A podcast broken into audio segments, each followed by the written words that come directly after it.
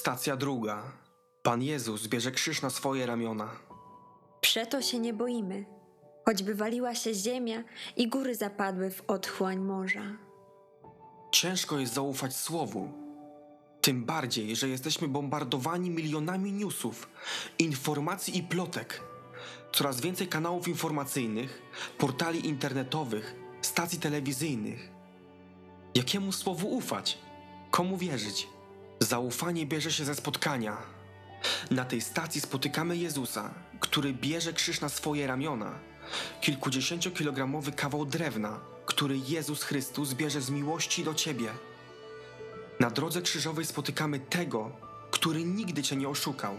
Jezusa, który mówił i mówi zawsze prawdę o Twoim i moim życiu.